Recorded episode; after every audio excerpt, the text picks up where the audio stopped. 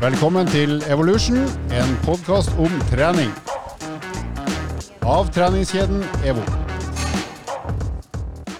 Hei igjen, og velkommen igjen. Her er vi tilbake igjen i Evolution, podkasten om trening. Og i dag har vi med oss gjest, en gjest som har vært der før, som har gjort såpass godt inntrykk at han skal få sjansen igjen. Magnus Haugan, du skal ikke si så mye nå, men du kan i hvert fall si hei. Hei. Godt sagt. Og så har vi med oss Andreas, eh, men ikke Lars. Eh, og Lars eh, er på jobb, i motsetning til oss andre. Så Andreas er med, men han er ikke i studio. Han er fra et annet studio lokalt i Oslo. Hvor er du nå, Andreas? Du, Nå er jeg hjemme, for jeg er jo ikke på jobb, jeg heller. Nei, og hvorfor er du hjemme? Du, Jeg er hjemme av en enkel grunn, og det er at jeg er ikke i form. Jeg er jo jeg er syk, rett og slett. Ja, Så du av hensyn til dine kolleger, som du er veldig glad i, så holder du deg hjemme for ikke skade og spre sykdom?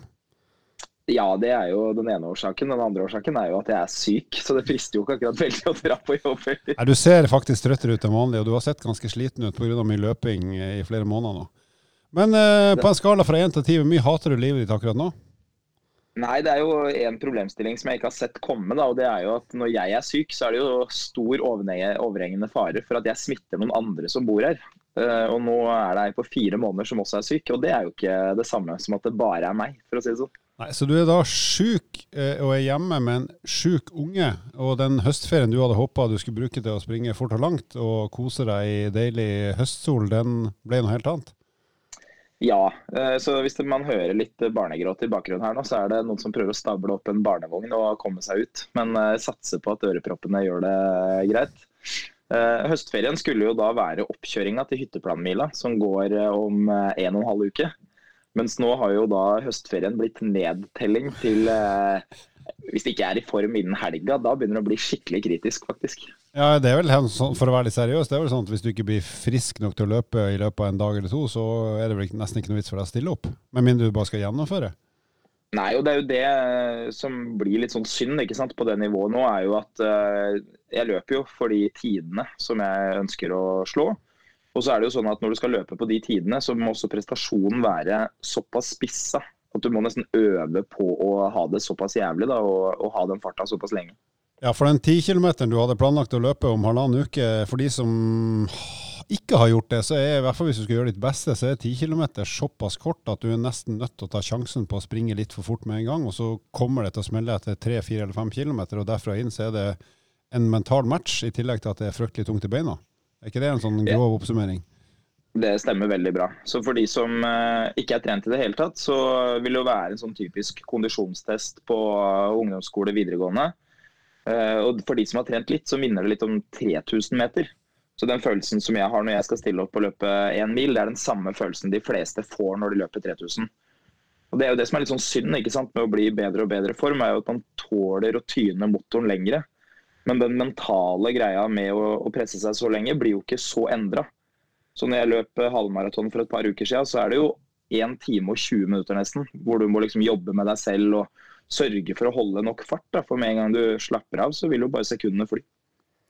Ja, og um, ditt tidsmessige mål, altså det du egentlig gjør nå, er at du ønsker å sette personlige rekorder som kanskje blir den personlige rekorden som står. Det er iallfall ikke langt unna, så derfor legger du litt i det. Men hva, hvis du nå kvikner til i løpet av si 24 timer, og du får forberedt deg sånn høvelig, hva er håpet ditt uh, i forhold til tid? Hytteplanmila er jo ganske flat, en ganske kul løype, litt bratt helt på slutten, men ganske hyggelig sånn fartsmessig. Ja, det er jo en løype som er designa for å løpe fort. Det er jo én kilometer med slakt nedover. Så er det åtte kilometer flatt, og så er det én kilometer oppover mot mål. Og Det gjør jo at eh, de aller aller fleste kan jo løpe da litt fortere enn de har planlagt, til halvveis, uten å være mer sliten. Som gjør at når du da nærmer deg liksom 8-9 eh, km, og du vanligvis begynner å få problemer med farta, så vil du kanskje være litt mer uthvilt her, og så vil du tåle å løpe motbakke inn i mål. For du trenger jo ikke å bruke formen din til noe etter målgang. Så da kan du jo ha løpt deg helt i kjelleren. Og Målsettinga der er å løpe under 35 minutter. Eh, og Det betyr da sånn eh, rent tidsmessig at eh, jeg løp et maraton i fjor hvor jeg løper rett under 4 minutter. Så løper jeg halvmaraton hvor jeg løper rett under 3,45, altså da hvor mange minutter man bruker per kilometer. Og så skal jeg nå løpe da under 3,30. Så det er ikke veldig store forskjeller, men uh, med en gang man får lov å bruke 10-15 sekunder mer per kilometer, så kan man strekke varigheten ganske mye. da.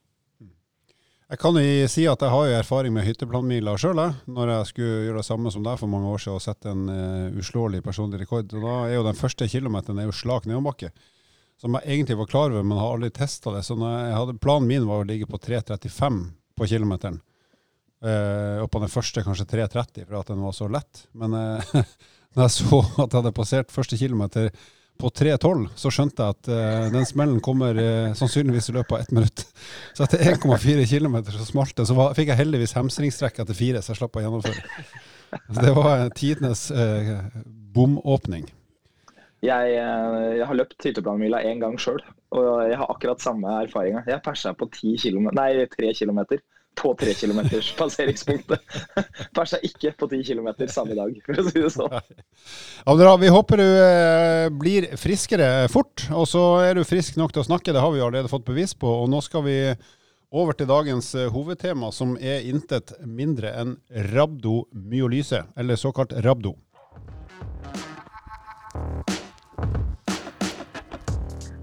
Og i og med at uh, vi som normalt sett uh, bemanner podkasten ikke er spesielt kompetent, så har vi uh, fått med oss kompetanse i dag i form av Magnus Haugan fra Idrettshøgskolen og CrossFit Oslo. Han har vært med oss to ganger allerede og har gjort såpass godt inntrykk og har vist at han kan det han snakker om, så vi har invitert han til å bli med og snakke om rabdo, eller rabdomyolyse. Og for de som er litt uinnvidd, så skal jeg prøve å forklare kort hva det er, og så må du bare supplere meg, Magnus, når jeg blir for unøyaktig. Men Eh, det, grunnen til at det kalles rabdomyolyse, det kommer av greske ord. Eh, rabdomyo betyr rett og slett muskulatur.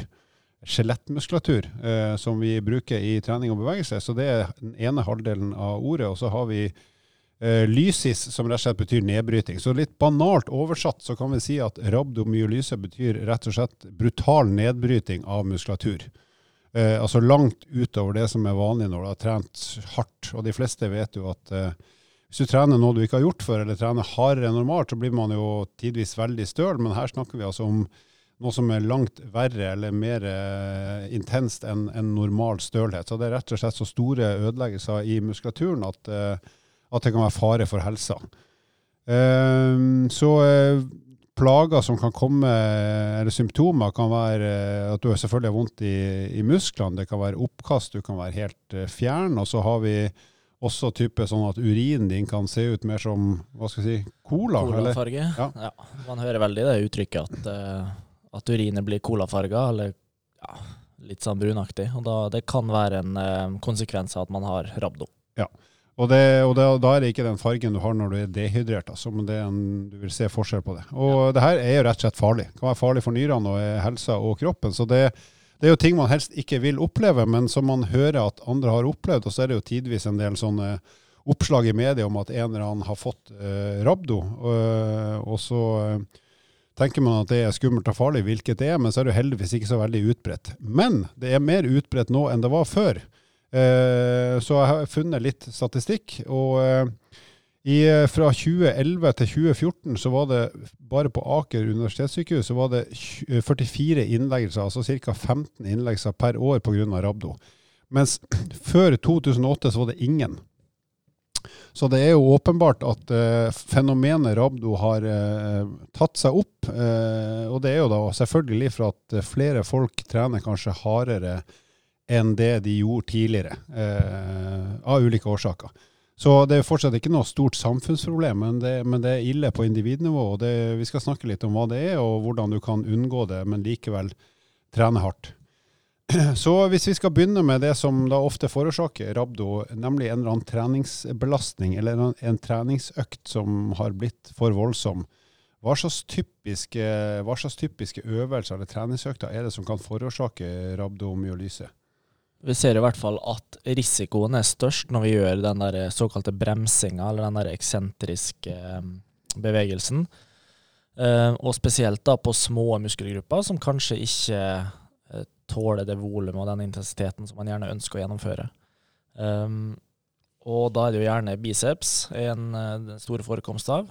Eh, magemusklene kan få kjørt seg. Du ser jo at uh, du har sånne GOD-maskiner på litt forskjellige senter, og hvis du da senker det ganske brutalt ned på dem og holder igjen, uh, så kan det påføre ganske mye skade på muskulaturen. Ja, og En sånn GHD-maskin det er rett og slett en sånn mage-ryggbenk der du kan i, Hvis du tar situps, så kan du rett og slett få bøyd overkroppen lenger ned enn hofta di, så du får en mye lengre vei opp enn hvis du hadde ligget på gulvet, f.eks. Du ligger jo nesten eh, 45 grader med overkroppen din. Eh, Ja. Så det er Så, ganske langt så strekken i magemusklene og arbeidsveien til magemusklene er mye mye større enn enn ved en normal situps. Ja. Så det er absolutt en, eh, altså to, to muskelgrupper som får kjørt seg. I tillegg så har du jo en del, som vi snakka om før vi, før vi kom på her, den eh, drop-jumpen. At du hopper ned fra ei kasse, og at beina da må stå imot ganske mye mer eh, belastning for å, for å ta imot kroppen. Og hvis du da er litt overivrig og gjør for mange sånne hopp, så kan jo det gå utover eh, muskulaturen i beina. Og da er jo da den bremsefasen, når du lander på bakken da, og skal ta imot kroppsvekta i fart, og det skjer mange ganger, så er det den, den eksentriske fasen for eh, muskulaturen du snakker om, som, Ja. som blir den store belastninga. Riktig. Og så har jo jeg både sett og hørt at pullups er en sånn klassiker i forhold til å dra på seg rabdo. At du eh, kjører på med for mange pullups uh, i forhold til forutsetningene. At du kanskje går fra å ikke ha gjort det på kanskje fire år, og så skal du plutselig kjøre 100 eller 150 stykker på en del serier. Ja, Og det er jo veldig populært nå med alle sånne der, eh, forskjellige typer treningsformene. Eh, og da er det jo gjerne sånn at pullups blir jo lagt inn i økta, enten som en ren styrkedel eller som ja, i en sirkel. Og det er jo ikke alle som kan pullup, og jeg tror at hvis alle hadde kjørt maks repetisjon av strikt pullup, så er det nok gjennomsnittet en plass mellom fem til ti ganske gode stripte, st eh, strikte pullup. Og hvis du da i tillegg skal gjøre 50 av dem, så blir det vanskelig. Og da begynner man jo også å gjøre andre varianter av pullups. F.eks. at man skal da hoppe opp og så holde seg på vei ned. Um, og da gjør du en form for bremsing av bicepsen. Den forlenges. Og Det også blir jo da et større såkalt mekanisk drag. Det blir større me altså belastning på muskulaturen, og igjen da som kan føre til større ødeleggelser. Ja, så det du sier da, Hvis du tenker deg i pullup at nå har du fått haka over stanga, da, hvis vi tar den eksempelet, så når du da slipper deg, ikke bare slipper deg ned, men du bremser nedover, så er det, det er den eksentriske fasen av en pullup. Så hvis du da får hjelp til å ta flere pullups enn du egentlig kan, og da kanskje bremse i hele den eksentriske fasen, så blir jo den belastninga der veldig mye større enn hvis du hadde stoppa når du ikke klarte flere sjøl, eksempelvis. Så er det jo en form for å bli bedre i pullup. Så er det jo veldig mange som legger inn negative pullup i styrkeprogrammet sitt. Men da er det jo også viktig å ta hensyn til at ok, um, du vil bli bedre i pullup nå, men husk den belastninga så du faktisk påfører noe ved å gjøre negative pullups. For da ønsker du å bruke så lang tid som mulig nesten på vei ned. Og så et moment til i forhold til pullups. Hvis du da gjør de med veldig høy fart, som jo også er en måte å klare mange repetisjoner på, og da bruke det vi kaller en slags pendelbevegelse eller chip, altså du, du beveger deg med overkroppen for å gjøre den bevegelsen raskere og kalle det litt mer effektivt. Altså ikke en strikt en der du bare er helt slapp med alt annet enn armene. Da vil jo hastigheten når du er i bånn, altså rett før du skal begynne å dra deg opp igjen, den vil jo være ganske stor. Og de, den farta må jo bremses i og med at du skal opp igjen. Så det, det draget du får i muskulaturen akkurat når du skal bremse ned veldig fort før du skal dra deg opp igjen, det blir jo også ganske heftig når man gjør pullups med, med høy hastighet. Det, det som jeg tenker på da, når, eh, når jeg jobber som personlig trener og har ansvaret for eh, Kall det gjerne utrente, da, eller de som ikke er veldig vant til å, til å trene mye. Så eh, er det jo det samme som jeg ønsker å fortelle til de som eh, trener på egen hånd. At det kan være en fin begrensning at du ikke klarer flere repetisjoner enn det du er sterk. Så det å, å finne på liksom mange gode løsninger for hvordan jeg skal kunne fortsette å trene den øvelsen etter at jeg egentlig ikke er sterk nok, det er ofte et sånt lite rødt flagg. Uh, og Da nevner jo dere de, de fineste øvelsene. Hvis man sier at jeg er ikke sterk nok til å gjøre en eh, sånn type pullups, chins, uh, kroppsheving, altså kall det hva du vil, så er jeg egentlig ikke sterk nok til det. Så da må jeg være veldig forsiktig med hvordan jeg øker belastninga i en øvelse hvor jeg i utgangspunktet ikke er sterk nok. Og Det samme gjelder jo ikke sant, alle øvelser hvor du bremser de eksentriske øvelsene.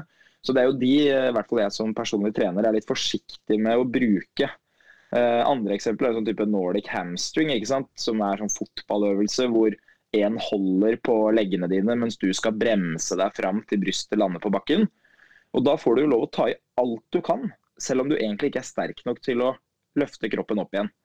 Og eh, Man kan gjerne gjøre de øvelsene, for de er veldig fine. Og de dekker jo et av de treningsprinsippene som må til, og det er jo at eh, tyngst mulig er egentlig ganske bra for å bli sterkere.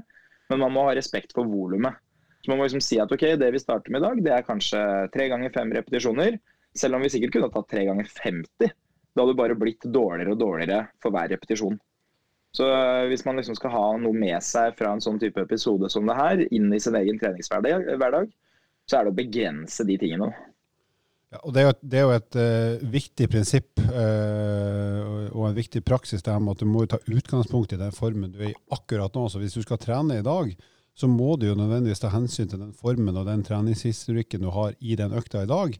Og så er jo målet å skyve, eller øke formen, selvfølgelig. Sånn at du må jo etter hvert gjør belastninga tyngre og tyngre, men ikke med gigasprang. Så hvis, igjen da, hvis du i dag er i stand til å ta tre pullups før du må ha hjelp, så kan det hende at du godt kan ta eh, fire-fem serier på både tre, fire og fem med litt hjelp, men ikke fem serier på 15 repetisjoner. For da blir det spranget fra det du er kapabel til i dag, og det du vil gjøre i treninga, blir så stort at det sannsynligvis ikke er smart. Eh, så det er jo denne kunsten med å utfordre seg eh, nok til at du blir bedre, men ikke så mye at du rett og slett går på veggen. Ja, og så er det jo det der at det å bli sterkere. uh, dere har sikkert snakka om det mange ganger før, men det er jo en spesifikk skill. Og det å trene på eksentriske pullup for å bli bedre i en konsentrisk pullup er kanskje ikke det riktige, det heller. Um, fordi at du trener på å bremse ned, og da er det mest sannsynlig det å bremse ned du blir veldig god på. Og da er det jo den der fra haka og ned til kanskje du har 90 grader i albuene, som, som er der du, der du har mest belastning. Men ser man at dem som skal lære seg pullup, så er kanskje det største problemet det å få da eh, aktivert seg sjøl i den startfasen. Så har man faktisk kanskje mer å hente av å øve på, altså finne en variant der du faktisk kan få aktivert skulderbladene dine, og så begynne å trekke med albuene, enn å starte øverst og så senke seg ned. Og det er jo Grunnen til at uh, mange ikke forstår det når det gjelder styrke, er jo at styrke kanskje er litt mer avansert sånn uh, forståelsesmessig. For det er ikke det de, de, fleste er vant med fra de er barn, og at de kanskje har drevet med en eller annen type kondisjonsidrett uh, i barneidretten. Men hvis man skal sette det litt på spissen, så vil jo det si at hvis jeg i dag ikke er i god nok form til å gjøre noe annet enn å jogge veldig veldig sakte, men det, det hadde vært veldig viktig for meg å få lov til å få det til å se ut som at jeg løper veldig fort, så hadde det jo ikke vært en god løsning at jeg hadde begynt å løpe intervaller i nedoverbakke. Eller kjørt 40-meteren 100 ganger for å få 10 ganger 400 totalt. da. Så eh, Når man bruker litt sånne andre eksempler, så ser man egentlig at ja, det er kanskje ikke så smart å gjøre det på den måten. Så eh, jeg tror jo man må ha respekt for, eh, for den muligheten til å bare tyne belastninga så voldsomt som man kan gjøre hvis man velger da sånn type bremsende styrkeøvelser. Og Det viktigste argumentet for å ikke tyne belastninga for mye fra ei økt til annen, er jo rett og slett at du blir jo ikke noe bedre av det. Du blir bare dårligere av det og må ta, bruke mye mye lengre tid før du kan gjøre neste økt som kunne gjort deg bedre. Så det, det, det er jo den der balansen mellom hvor mye mer skal jeg gjøre for å bli litt bedre enn sist, uten at det blir for mye. Men eh, vi har jo deg her i studio, Magnus, og du jobber jo med crossfit. Og crossfit har jo ofte blitt brukt som eksempel på en arena der det kan forekomme rabdo, at, at, eh, folk som kanskje ikke er i kanonform enda tenker at de skal bare gønne på, eller noen hevder at en trener har sagt at de skal gjøre så mye, mye mer enn det de er gode for. Eh, hva er dine egenopplevde erfaringer som du har sett live i forbindelse med trening, enten fra crossfit eller annet, der folk har rett og slett fått rabdo? Ja, jeg har ikke sånn veldig mange erfaringer enda, i hvert fall. Men jeg veit at uh, det skjer, og det har skjedd. Og her var som jeg sa i stad, at uh, når, etter jeg var her sist gang, så hadde jeg, en, uh, hadde jeg en time, og da møtte jeg en person som ikke har vært der på en stund. Så jeg spurte hvor han hadde vært, og han hadde fått rabdo. Ikke veldig alvorlig, men han hadde fått rabdo. og da måtte vi tilbake i arkivet og se hvilken økt kan det ha vært for tre uker siden, og da fant vi ei økt med pullups. Da er det ei økt som han mest sannsynlig har pusha litt for hardt, eh, med litt for høy intensitet, for å da eh, Ja, vi har på høy musikk, klokka går, eh, men han blir litt overivrig, og mest, sannsynlig da pusha grensene litt for mye enn det han var i stand til. Og det her er jo en, den klassiske rabdo-utøveren, eller rabdo-offeret. er jo ofte da mann i 30, 40 eller tidlig 50-år som, som litt, får litt overtenning. Enten pga. miljøet man er i, at man bare tenker at jeg er dritgod sånn som jeg var før. Uh, og, så, og, så, tar man rett og slett uh, gjør for mye i forhold til egne forutsetninger. Man har glemt litt at det er en stund siden sist, men håper at man er like god som man mener at man var for x antall år siden. Så det er jo den klassiske varianten av rett og slett en mann med litt overdreven god selvtillit. Ja, for man må jo huske det at uh, det er jo i stor grad folk som har trent tidligere, som får det. For du må jo gjerne være i en fysisk form som gjør at du klarer å skape en ganske stor belastning. Så eh, Det er jo ikke sånn at de som nå vurderer om de skal begynne å trene, trenger å frykte at de skal få det problemet her i morgen. De som bør frykte det, det er eh, som du sier, Halvor, det er de som er mellom 30 og 50 år og som har vært i god form. Og som underveis i treningsøkta tenker at jeg skal i hvert fall ikke fremstå som om jeg er dårlig. Her skal jeg gi gass langt over evne og som kjører forbi en del av de røde flagga underveis. da. Det kunne jo vært meg, i og med at jeg er akkurat under 50 år en stund til. Men jeg har heldigvis eh, lagt fra meg ambisjonene om å vise meg fram i styrketrening. Ja, og så sa jeg jo at uh, du må jo evne å skape stor kraft. Ja, stemmer det. Hørte ikke jeg. Vi går tilbake i biblioteket for å høre om det, om det faktisk ble sagt, men du har nok rett. ikke lang kraft. og Der sliter jo faktisk du Andreas. Du er jo faktisk over 30, og, men du driver jo nå med markløft uten belastning, altså uten ekstra belastning. Så du vil også slite med rabdo i markløft i hvert fall. Jeg pleier å si det til, eh, til, kundene mine, at heldigvis så har du vært i så dårlig forfatning så lenge at du har uh, mulighetene foran deg. Det som er problemet hvis det hadde vært toppidrettsutøver, er jo at det er sjanseløst å slå seg sjøl. Eh, jeg har jo eh, noen eh, egne observasjoner av Rabdo sjøl. Bl.a. ei ung jente som var på opptaksprøve i Garden, som, der en av de opptaksprøvene var, eller det var en øvelse. Der skulle de rett og slett være på en stasjon og gjøre 100 pullups. De kunne bruke så lang tid de ville, men de skulle ha 100 pullups før de kunne gå videre. og Jenta der er både ivrig og pliktoppfyllende. Hun uh, gjorde jo det så godt hun kunne, men var jo overhodet ikke trent for så mange pullups, og fikk et kjempeproblem i, i flere måneder etterpå. Eh, og så uh, har vi jo en nå avdød kvinnelig skiløper som heter Vibeke Skofterud, som var utrolig god. Hun var jo, på, VM-medaljer og v-cupseiere har hun vel også. Eh, etter at hun la opp, så har hun holdt seg i god form. Så da husker jeg det var en sommer hun skulle hive seg på den stakebølgen. og Da tror jeg hun hadde begynt med ei stakeøkt på nesten ti mil. Som, som forårsaka, selv for hun som var i god form, en, en, en rabdoreaksjon. Eh, som er den mest kjente, iallfall jeg kommer på. Men eh, for å unngå å være redd for å trene, for poenget med det her er ikke å bli redd for å bli verken støl eller å trene, for er, du skal virkelig gå inn for å plage deg sjøl for at det skal bli et problem. Så hvis vi skal si noe enkelt, hva er forskjellen da på f.eks. den normale stølheten som de fleste av oss opplever etter ei styrketreningsøkt, kontra tendens til rabdo? Eh, kan du si noe om det, Magnus? Ja. Um det man kan starte med, er å si at er du støl, eller så har du rabdos, så vil du være støl, og er du støl, så er du støl. Eh, så det, det, kan skje ved begge, begge mm, Hva skal jeg si Forekomsten av begge faktorene. Mm. Um, men du, har du rabdo, så er det nok veldig vondt å bare bevege seg. Mens hvis du er støl, så klarer du å bevege deg, men hvis du på en måte skal bruke muskulaturen din, så kjenner du at ok, her er det noe som ikke stemmer. Mm. Um, rent sånn fysiologisk er det viktig å på en måte kanskje skille mellom at stølhet Da er det ikke sikkert at det skjer noe inni muskulaturen din, men det er mest sannsynlig noe smertereseptorer utafor muskulaturen. Så vi veit ikke helt eh, om altså hvor alvorlig det er. Har du rabdo, så er det jo som vi snakka om, at da er du grisestøl. Du kan uh, urinere colafarge. Eh, og så har du egentlig generelt vondt av å, av å bevege deg.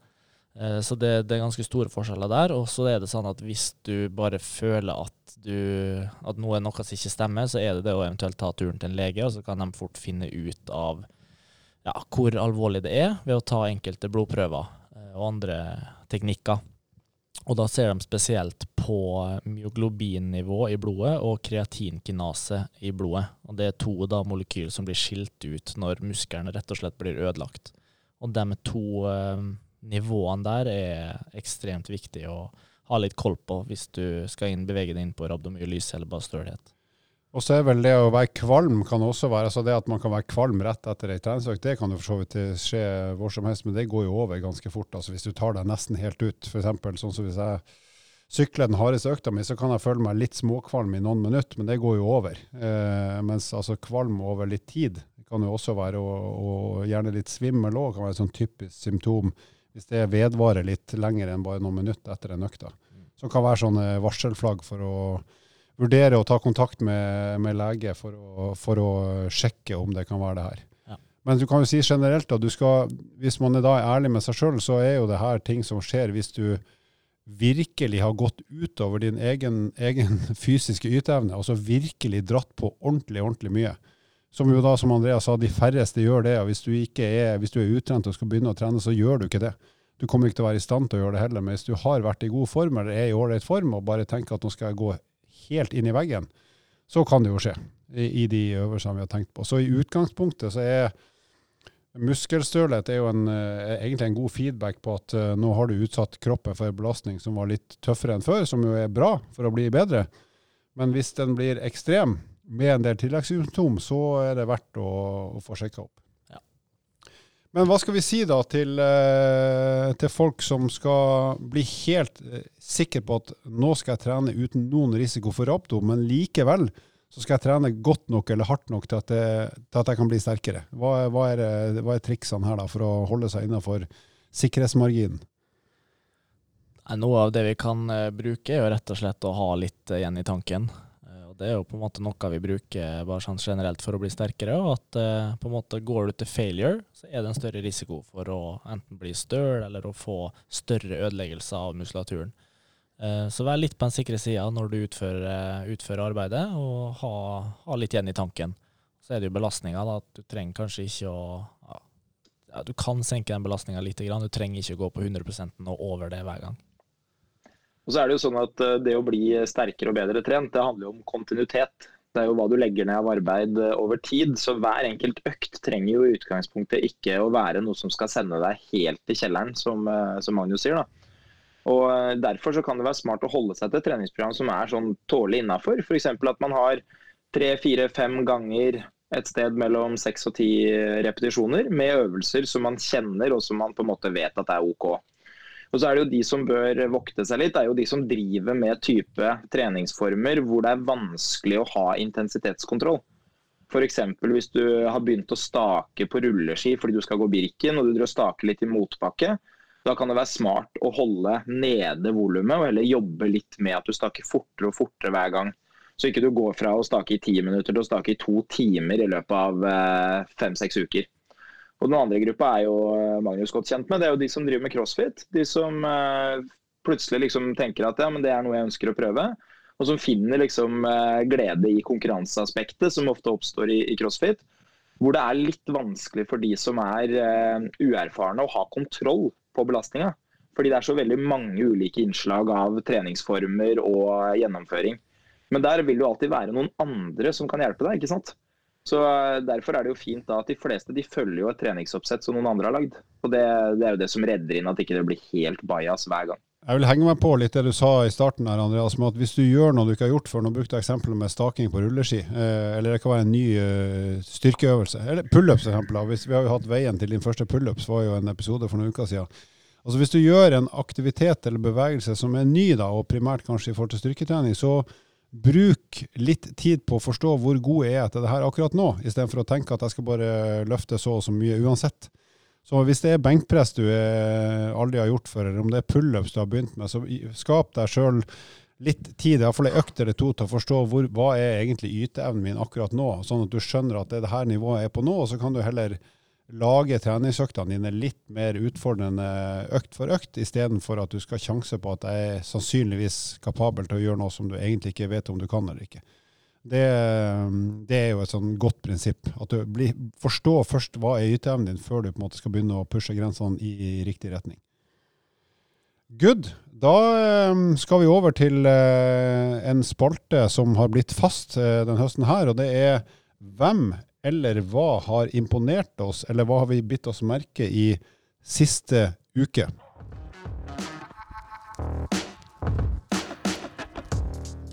Yes, og eh, det har gått noen dager siden forrige episode, og siden vi har en gjest som både er flink og han er faktisk nyklippa òg, det kan dere heldigvis ikke se, dere som uh, hører på oss, men han har en sveis som minner om uh, det er en mellomting mellom mitt hår og Andreas sitt hår, Magnus. Ja, det var meninga også sist jeg var, for det var nyklipt da òg.